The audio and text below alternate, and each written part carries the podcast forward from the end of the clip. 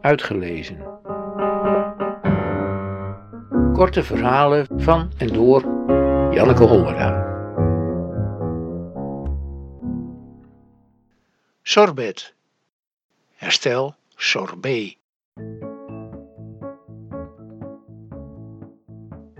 Mijn man en ik kregen heel erg ruzie toen ik in de ijssalon zei dat ik sorbet-ijs wilde. En je bedoelt sorbet? Ik zei nee, ik bedoel sorbet-ijs. Hij zei je vergist je. Het heet een sorbet.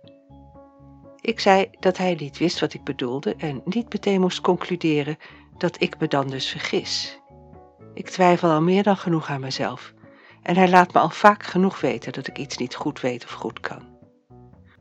Hoewel hij dat ontkent en zegt dat ik zijn verbazing interpreteer als afkeuring, maar dat het dat pertinent niet is.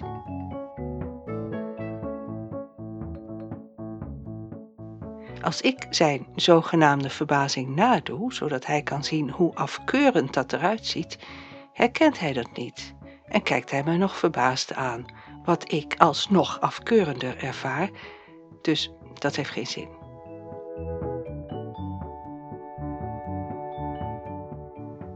Nu kwam er nog een aspect bij. Hij vond mijn gezeur over sorbet het ultieme bewijs dat ik een snop was. Ik zei dat een snop iemand is die zich uit verlangen naar aanzien op een aanmatigende manier voordoet als kenner van kunst en cultuur en dat ik de laatste was die verlangde naar aanzien op dat gebied als ik sorbet zei.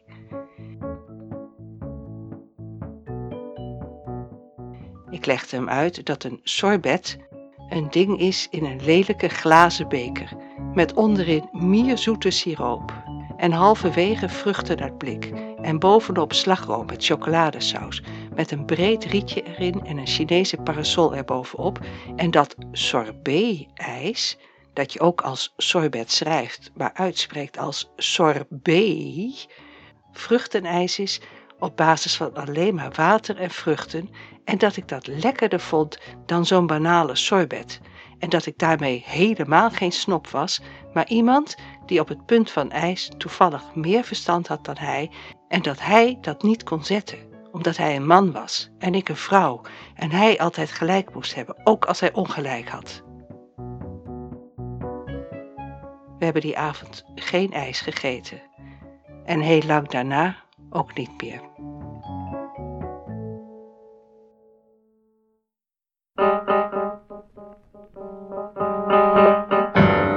Uitgelezen.